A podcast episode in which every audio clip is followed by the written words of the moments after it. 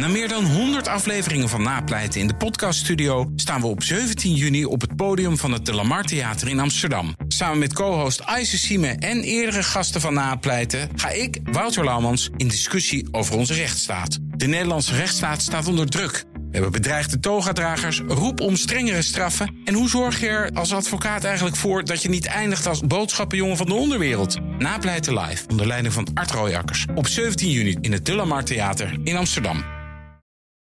DNR Nieuwsradio. Werkverkenners. Rens de Jong. Deze uitzending gaat over hoe groepen mensen zich gedragen onderling. En voordat we het over werk hebben, kijk eerst even naar je vriendengroep.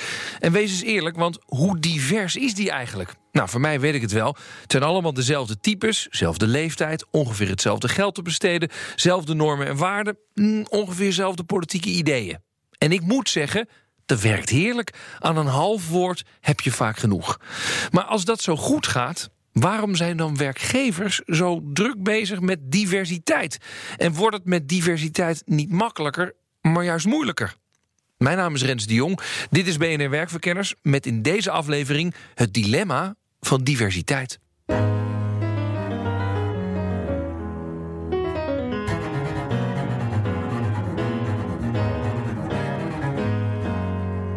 Detacheerder Michael Page heeft onlangs een groot diversiteitsonderzoek gehouden onder haar klanten. En wat blijkt, we praten er ongelooflijk veel over. Maar daar blijft het dan ook bij. Resultaten neem ik door met Martijn Goudswaard. Hij is de managing director van Page Personnel. 90% zegt het belangrijk te vinden. Ja. Uh, en 60% is er echt mee bezig. Dus eh, probeert het te, te, de in, ja, in het beleid te krijgen. Ja. Uh, maar slechts 40% heeft het dan ook nog in, de, uh, in hun beleid zitten dat ze het echt verankeren in een HR-positie. Ja. Alleen het blijft zoiets als het milieu nu. We vinden het belangrijk, maar zit het echt in onze waarden uh, verankerd? En steeds meer zie je dat um, het in de ja, resultaatbeloning zit van, van leidinggevenden. Mm -hmm. maar krijg je daarmee diversiteit of krijg je daarmee nummertjes? En ik denk dat dat meer een vervolg onderzoek zal moeten zijn. Want uh, dat we erop beloond worden is één. Dat CEO's beloond worden op meer vrouwen of diverser uh, beleid. Wil niet zeggen dat, dat de organisatie uh, per definitie divers doet. Want mensen moeten het ook geloven. Ja. En, en dat merk je dat dat er nog niet is. Ja, eigenlijk ongelooflijk hè. 90% vindt het belangrijk en zegt dat het ook echt bijdraagt aan een succesvol bedrijf. En slechts 40% heeft het ook daadwerkelijk verankerd. Dat klopt toch niet? Ja, toch wel, zegt Naomi Ellemers. Ja, mijn naam is Naomi Ellemers. Ik werk als universiteitshoogleraar. En zij is gespecialiseerd in diversiteit en inclusie op de werkvloer. Ik ben niet verbaasd. Nee? Dit is wat we eigenlijk heel vaak zien. Uh, dus, en dat is precies een van de oorzaken van, uh, van het hele probleem, denk ik.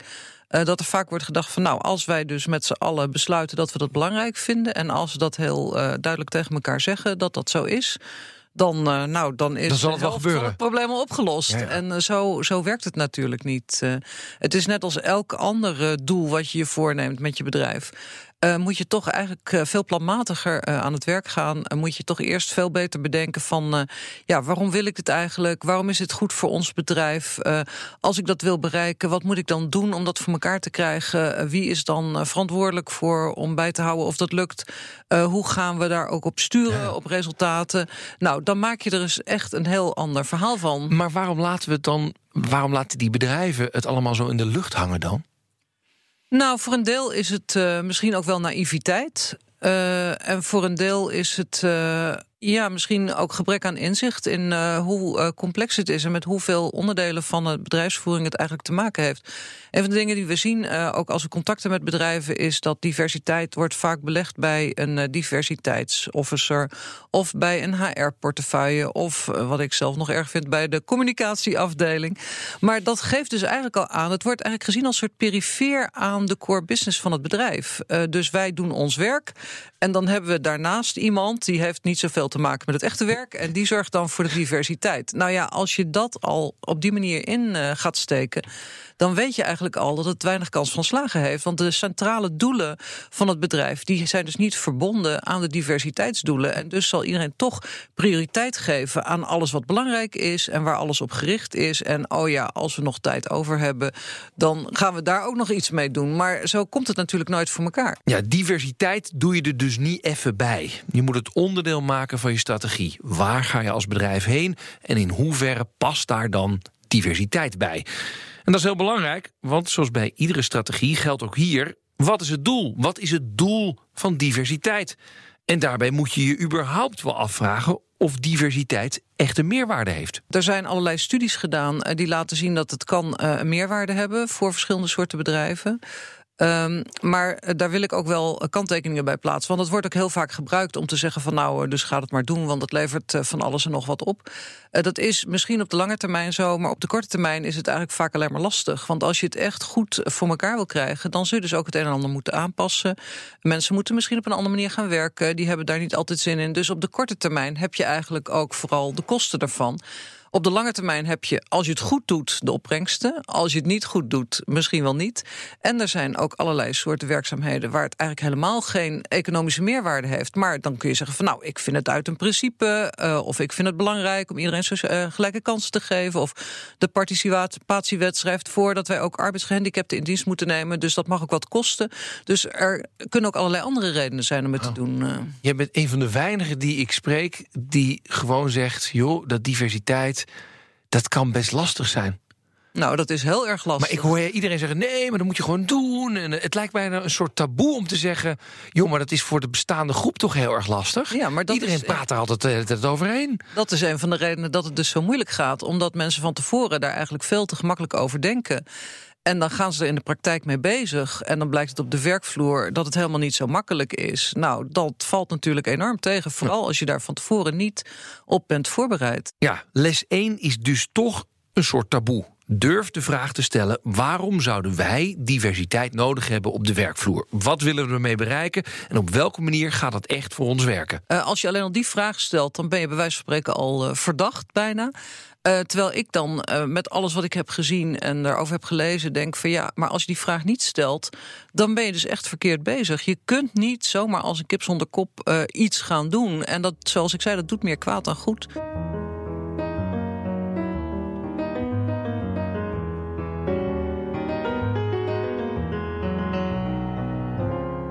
Nou, bij Michael Page durfden ze die vraag echt te stellen. Daar hadden ze bovendien een behoorlijk groot probleem en een duidelijk doel voor ogen. Ze wilden meer diversiteit, want ze wilden meer groeien. En dat lukte niet met het originele werknemersbestand. Overigens, als je denkt dat het heel makkelijk ging. Nee hoor. Het was redelijk, eh, redelijk homogeen, redelijk eh, HBO, universitair geschoold. Dezelfde achtergrond, studentenverenigingen. Het was redelijk hetzelfde. Ja, hetzelfde types allemaal. Ja, ja, Het lijkt me heerlijk. was het wel. Alleen de groei bleef daardoor wat beperkt. We bleven een, een, een, ja, een, overzichtelijke, eh, een overzichtelijke groep mensen. Ja, ja.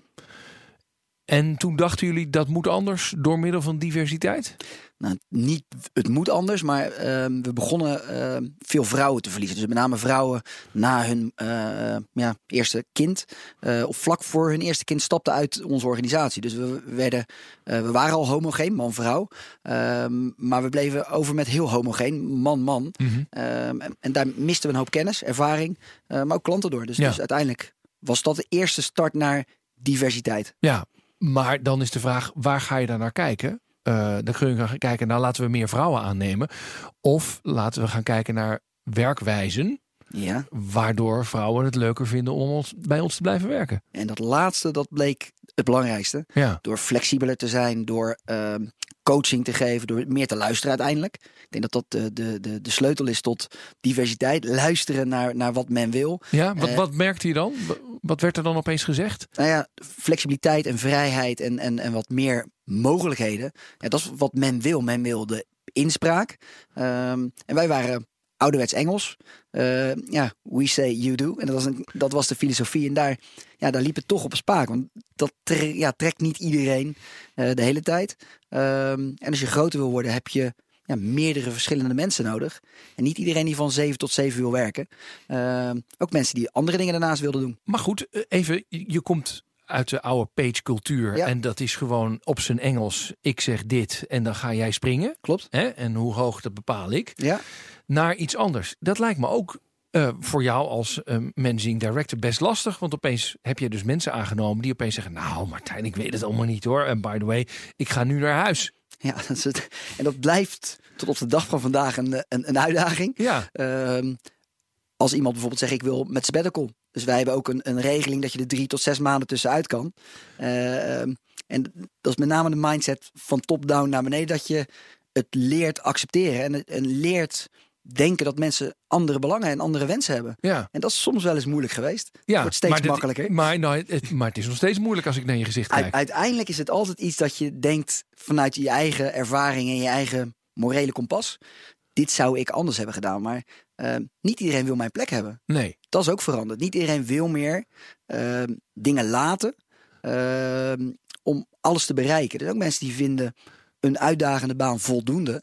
eh, en hoeven daar niet 60 uur voor te werken. Maar waarom wordt het dan een leukere werkvloer? Of waarom levert dit uiteindelijk dan resultaat op voor jou? Want je moet er ook heel wat eh, voor op je tong bijten, hoor ik zo. Ja, in eerste instantie wel, eens. Eh, uiteindelijk merk je dat, dat met andere dingen je ook nieuwe inzichten krijgt. Zeker door, door, door eh, mensen je de, de oogkleppen af te nemen. Mhm. Ik Geef eens een voorbeeld. Nou, ik denk dat, dat eh, het feit dat iemand parttime werkt, wil niet zeggen dat iemand minder doet. En ik denk dat dat, eh, zeker als je jong bent, een soort mantra is. Veel uur is veel omzet. Mhm. Eh, terwijl je merkt dat, dat parttime werken soms niet ten koste gaat van productiviteit. Integendeel, er zijn mensen die werken minder en zijn daardoor juist productiever. Oh ja. Dus, En, dus- en, en, dat, en dat zie jij opeens. Want vroeger had je iedereen alleen maar van, eh van 8 tot 7 op kantoor Ja. zitten. ja, en, en je moet het los durven laten. Dus ook mensen vanuit huis werken is ook anders dan dat, het, eh, eh, dan dat je het zelf zou doen. Ja, Je redeneert heel snel vanuit jezelf. Ik weet niet of ik dat had gekund toen ik 24, 25 was. Eh, nu zul je mensen het vertrouwen moeten geven. En, en 90% betaalt dat terug. ja want, dat, dat, dat wil ik nog steeds horen. Waarom betaalt dat echt terug? En ik denk toch dat mensen daardoor langer en, en, en productief, langer blijven werken. Dus Mhm. minder verloop. Ja. Dat dat wel heel erg belangrijk is. Eh, en uiteindelijk productiever worden. En dat laatste is niet direct meetbaar. Het is niet een, een, een, een knop waar je kan draaien. Maar verloop kan je wel meten. En, Ja. en, dat En is dat teruggelopen? Ja, ja, Ja? Wij, wij zaten rond de 60 procent. Zo. en, en Per, nu, per jaar? Nee, Ja, toch? per jaar, ja. Ja, ja wij hebben echt... Dan, eh, dan moet je je echt heel erg te horen hebben gekrapt. Ja, uiteindelijk is het een beetje sectorafhankelijk. Ik- heb vroeger bij Randstad gewerkt. Dat, dat, die zijn gebouwd op verloop. Eh, daar bleef iedereen negen maanden bijna zitten in, Ja. in zijn eerste jaar. Eh, maar je merkt dat, je, dat, dat het niet goed is voor een organisatie. Eh, niet goed is voor nieuwe mensen.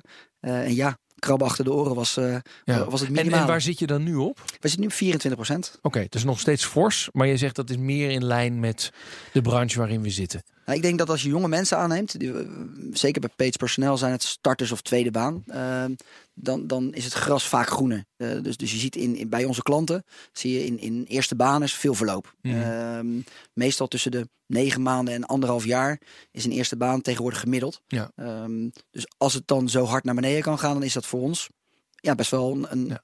een goede eigen. BNR Nieuwsradio. BNR Werkverkenners. Iedereen heeft het tegenwoordig over diversiteit op de werkvloer. Maar het onderzoek blijkt, veel bedrijven praten erover. Er gebeurt niet zo heel veel. En eigenlijk is het ook niet zo heel vreemd, want wie diversiteit wil creëren, zal merken dat hij er op de korte termijn eigenlijk maar weinig aan heeft. Tenminste, dat zegt Naomi Ellemers. Als bedrijf zou je je eerst moeten afvragen waarom je überhaupt diversiteit wil. En daarnaast moet je goed kijken, wat heb ik dan nodig? Dus als je gaat afvragen waarom, waarom wil je eigenlijk diversiteit? Eh het meerwaarde ervan is vooral aangetoond eh, bij bedrijven die eh, flexibel, innovatief moeten zijn, nieuwe producten, nieuwe diensten willen ontwikkelen, nieuwe doelgroepen willen aanboren, op nieuwe ideeën willen komen. Nou, dat is een situatie waarin je denkt van we moeten iemand hebben met een andere invalshoek. En dat maakt het dan ook wel de moeite waard dat het in het begin een beetje lastig is en dat je elkaar niet begrijpt, want iedereen die weet van dat is nodig om verder te komen. Nou, in dat soort situaties gaat het dus niet alleen maar om van hoe ziet iemand eruit, maar ook ja, heeft hij wat anders in te brengen? Eh, weet hij iets anders? Denkt hij iets anders? Heeft hij een ander perspectief? Eh, en dat kun je niet altijd aan iemand zijn neus eh, zien van tevoren. Um, er zijn natuurlijk ook allerlei soorten uh, takken van sport waarin het helemaal niet om gaat om flexibel of innovatief te zijn. Daar moet je juist efficiënt, uh, zo snel mogelijk. Uh, je mag geen fouten maken. Je moet elkaar met een half woord al begrijpen. Nou, daar is diversiteit natuurlijk alleen maar lastig in eerste instantie. En als mensen op de werkvloer dat melden. Dat zeggen van ja, ik weet niet wat ik aan mijn collega heb en ik moet er wel blindelings op kunnen vertrouwen. Um, dan wordt dat een beetje afgedaan als, uh, nou, die mensen die zeuren of die zijn lastig of die hebben geen zin in verandering. Terwijl ik denk van ja, in dat soort werk is dat heel legitiem. Ja. En moet je dus veel meer investeren om te zeggen van, nou, waarom wil je dan wel diversiteit? En als je het wel wil, dan zul je dus veel moeten investeren om iedereen op één lijn te krijgen. Om te zeggen van, nou, wij moeten dus toch allemaal als één kunnen werken, ondanks dat wij allemaal verschillende achtergronden hebben. Dus wij moeten juist heel erg gaan werken aan die homogeniteit. Dat wij allemaal hetzelfde product, dat wij allemaal naadloos op elkaar kunnen aansluiten. En dan moeten we investeren. Nou zijn natuurlijk wel een aantal praktijkvoorbeelden. Bijvoorbeeld eh, KPN had een tijdje een vrouwenquote, maar dat is ook geloof ik weer afgeschaft. Ja. Snapt u de dynamiek daar? Ja, en dat is, uh, nou, dat is twee redenen zijn eigenlijk net al een beetje voorbij gekomen. Eén reden was dat zij zeiden van uh, er is ons voorgespiegeld dat wij met meer vrouwen in de top dat dat allerlei meerwaarde zou hebben. Nou, we hebben hier nou een aantal vrouwelijke managers en die gedragen zich net zo horkerig als die mannen die we hier hebben. Uh, dus zij hadden blijkbaar ook uh, impliciet, denk ik dan, de boodschap gegeven van nou, als je hier succesvol wil zijn, moet je je op die manier gedragen. En dan kun je dus wel een vrouw neerzetten. Maar als je daar precies hetzelfde gedrag beloont, dan heeft het geen meerwaarde. Dus dat is eigenlijk die ene valkuil waar we het over hadden. Andere valkuil was dat uh, bij KPN werd er gezegd van ja, er wordt wel wat voor vrouwen gedaan, er wordt niet iets gedaan voor etnische minderheden. en dat klopt eigenlijk niet. Dus we schaffen het weer af. In plaats van te zeggen, we moeten het zo versieren dat alle groepen er op een of andere manier profijt bij hebben. En dat je niet sommige groepen er wel uitpikt en andere niet. Dus eigenlijk is het zonde dat ze eh, ergens halverwege de weg zijn omgedraaid. Ja, denk het wel. En ik denk dat dus wat zij gedaan hebben, dat ze dat niet op de goede manier hebben uitgevoerd. Waardoor zij het idee hadden van dit heeft geen zin.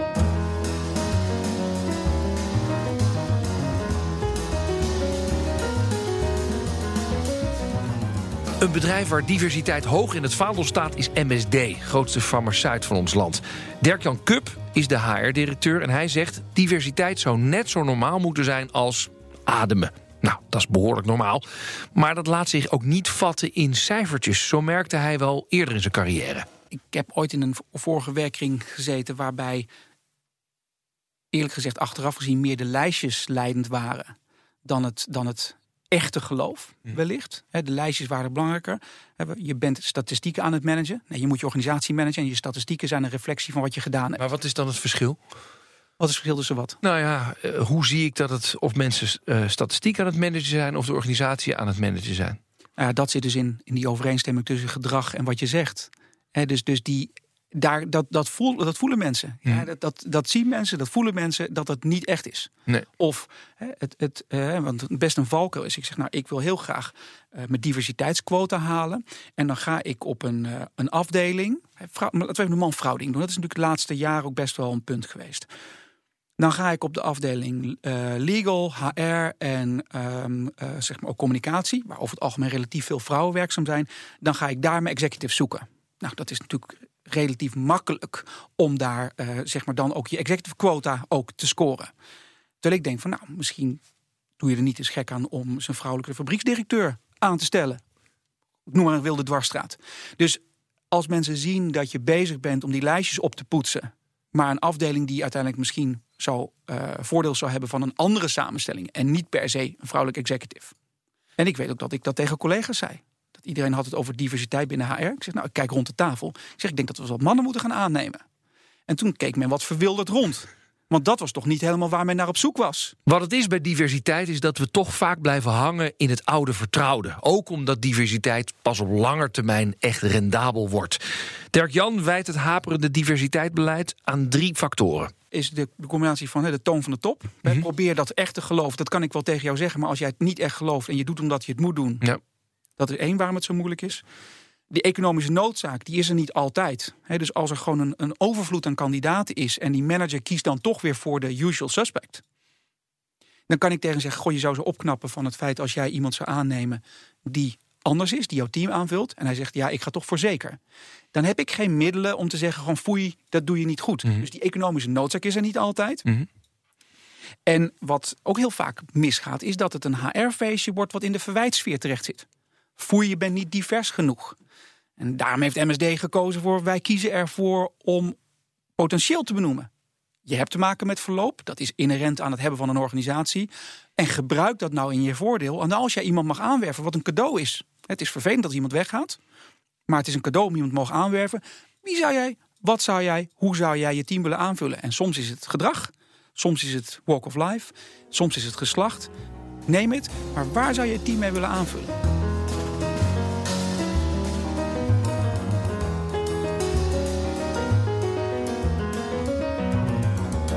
Stel je voor, hè, we hebben met elkaar besloten dit willen we. Ja. En we hebben het, eh, het, het systeem hebben we goed over nagedacht, et cetera. Dan komen er druppelsgewijs andere types het bedrijf binnen. Ja, Een van de valkuilen die ik voor me zie is...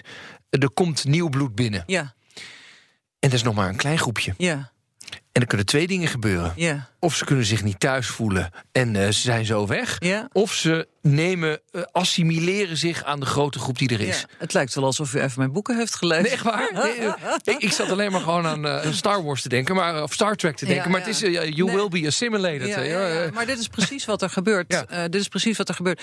En dat is ook waarom wij zeggen van je moet eigenlijk kijken voorbij dat moment van het binnenhalen. Want wat we zien ook als we dus dieper gaan kijken en bijvoorbeeld mensen gaan interviewen die daar zitten of die inmiddels alweer weg zijn, die zeggen eigenlijk precies dit: van ja, er wordt wel gezegd van we willen meer diversiteit, maar zodra je binnenkomt, wordt er gezegd van ja, je moet het precies zo doen zoals iedereen. We hebben ook maar één soort arbeidsvoorwaarden, er zijn geen eh, andere mogelijkheden, eh, nou enzovoort enzovoort. En wat je inderdaad ziet is of mensen passen zich aan, dus ze zien er misschien wel anders uit, maar ze doen precies hetzelfde, dus je hebt geen meerwaarde van diversiteit. Of ze zijn ongelukkig en ze gaan weer weg. Dus wat wij zeggen is eigenlijk, je moet eigenlijk kijken voorbij dat moment van instroom en voorbij eh, die aantallen die je hebt. Maar je moet ook denken van nou, wat moet je doen om te zorgen dat iedereen hier zich thuis kan voelen en dat iedereen ook op zijn eigen manier een goede bijdrage kan eh, leveren. Wat moet je doen om te zorgen dat mensen ook eh, vaste aanstelling krijgen of kunnen doorgroeien naar een hogere functie? Herkennen wij eigenlijk alle eh, soorten talenten en de verschillende verschijningsvormen waarin we dat zien? Of hebben wij maar één eh, model van hoe talent eruit moet zien en testen we iedereen of die in datzelfde model past? Waarom gaan mensen weg? Waarom gaan juist mensen met een diverse achtergrond vaker en sneller weg? Waardoor we de hele tijd maar weer moeten investeren in het vinden van nieuwe mensen. Hoe komt dat? Heeft dat ook misschien iets te maken met de manier waarop we ze hier in dit bedrijf behandelen? Nou, dus je moet eigenlijk die hele keten van instroom, eh, zich thuis voelen, doorgroeien, uitstroom, moet je eigenlijk in samenhang eh, ook in kaart brengen Ja. om te achterhalen van ja, waar eh, kunnen we nou nog meer iets doen om dat optimaal in te zetten? Wat is nou een goede methode om nieuwe medewerkers van een andere pluimage zich thuis te laten voelen bij jouw bedrijf? Nou, wat kun je dan doen? Dan stel je zogeheten business resource groups in. Mooi hè, Engelse term. Nou, bij MSD gebruiken ze dat ook. En dat werkt. Dat is eigenlijk de trend waarbij je zegt, nou wij zijn met een bedrijf, we hebben met x aantal mensen en wij eh, bieden de mogelijkheid aan millennials, Mhm. eh, daar hebben we er een paar van, dat die met elkaar ook iets mogen doen. Dat kan een project zijn, dat kan een bijeenkomst zijn, dat kan een borrel zijn, maar we geven een platform aan deze specifieke groep om met elkaar onder gelijkgestemden te zijn. Dus het zijn bepaalde groepen, een beetje homogene groepjes aanspreken. Gaan jullie dit samen maar doen? Een project draaien? Of wat Dat kan een project, maar het kan ook sociaal zijn. Ja, ja, dus wij hebben zo'n groep voor jonge MSD'ers. Oh ja. MSD is een bedrijf op leeftijd. hè. Wij hebben een, een gemiddelde leeftijd die wat hoger ligt. Ehm, en dan kan het zijn dus dat als jij eh, jong, snel en wild bent, eh, dat je denkt van goh, ik vind het toch wel leuk om als ik een borrel ben, dan ik tenminste ook wat mensen tegenkom die. Nou, Ja. dus daar komen dit soort business resource groups vandaan. Ja. En eh, ben je daar, want jij zegt eh, dat Dubbel. is- dubbel. Wat, Ja, is, wat is dubbel. jouw dubbel gevoel Nou ja, daarin? Ik heb het niet voor niets omschreven als de fase 1 waar je nu in zit, is de fase waarin je diversiteit gebruikt om uiteindelijk het eindspel, namelijk in, volledige inclusiviteit, te bereiken. Mhm. Dat kom je niet in één keer. Dat we in deze fase de Business Resource Group zien. En dat we ook mogelijkheden bieden om die Business Resource Groups te laten ontstaan. Wat ik alleen niet zou willen, is dat je uiteindelijk over een hele tijd allerlei sub kleine business resource groepjes hebt. Die uiteindelijk allemaal met elkaar enorm gelijkgestemd zijn, in hun eigen bubbeltje zitten. Ja. Maar vergeten met elkaar te praten. Ja, ja, dus zo'n, het instellen van zo'n groep, want ik kom dat bij bedrijven heel veel tegen. Jong, puntje, puntje. Ja, absoluut. Eh, hartstikke goed om te doen. Eh, eh, ook, ook vooral als ze een beetje de minderheid zijn. Want dan hebben ze toch nog wel ze. een lekker gevoel en dan help je ze een beetje. Maar op een gegeven moment is het wel het doel om ze weer op te heffen. Ze zouden eigenlijk overbodig moeten zijn. Ja, toch? Ja. Ja, dus pas op met al die groepen. Ze zijn een goed begin, maar laat je bedrijf geen verzameling worden van eilandjes.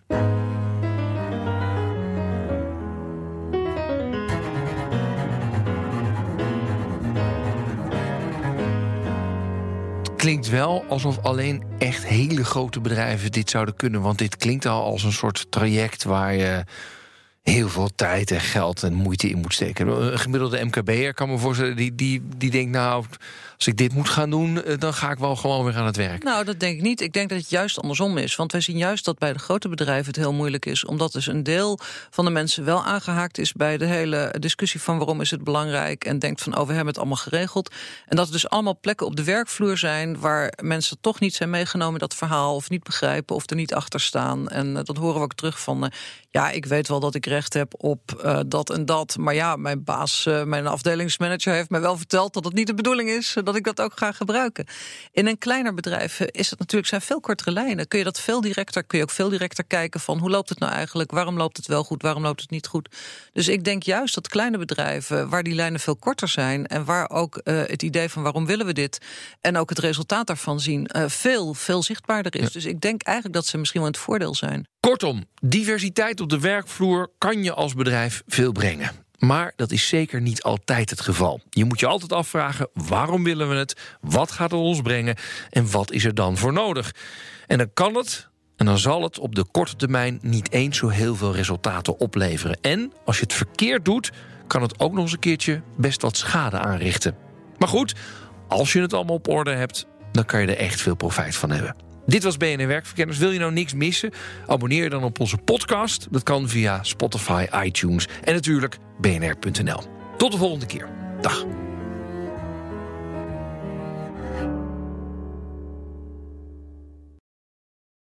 Ook Liesbeth Staats vind je in de BNR-app. Ja, heel handig. Luister live naar Kees en mij tijdens de Daily Move. Dan blijf je ook gelijk op de hoogte van breaking news en het laatste zakelijke nieuws. En daar vind je ook alle BNR-podcasts, waaronder de Perestrooikast. Download nu de gratis BNR-app en blijf scherp.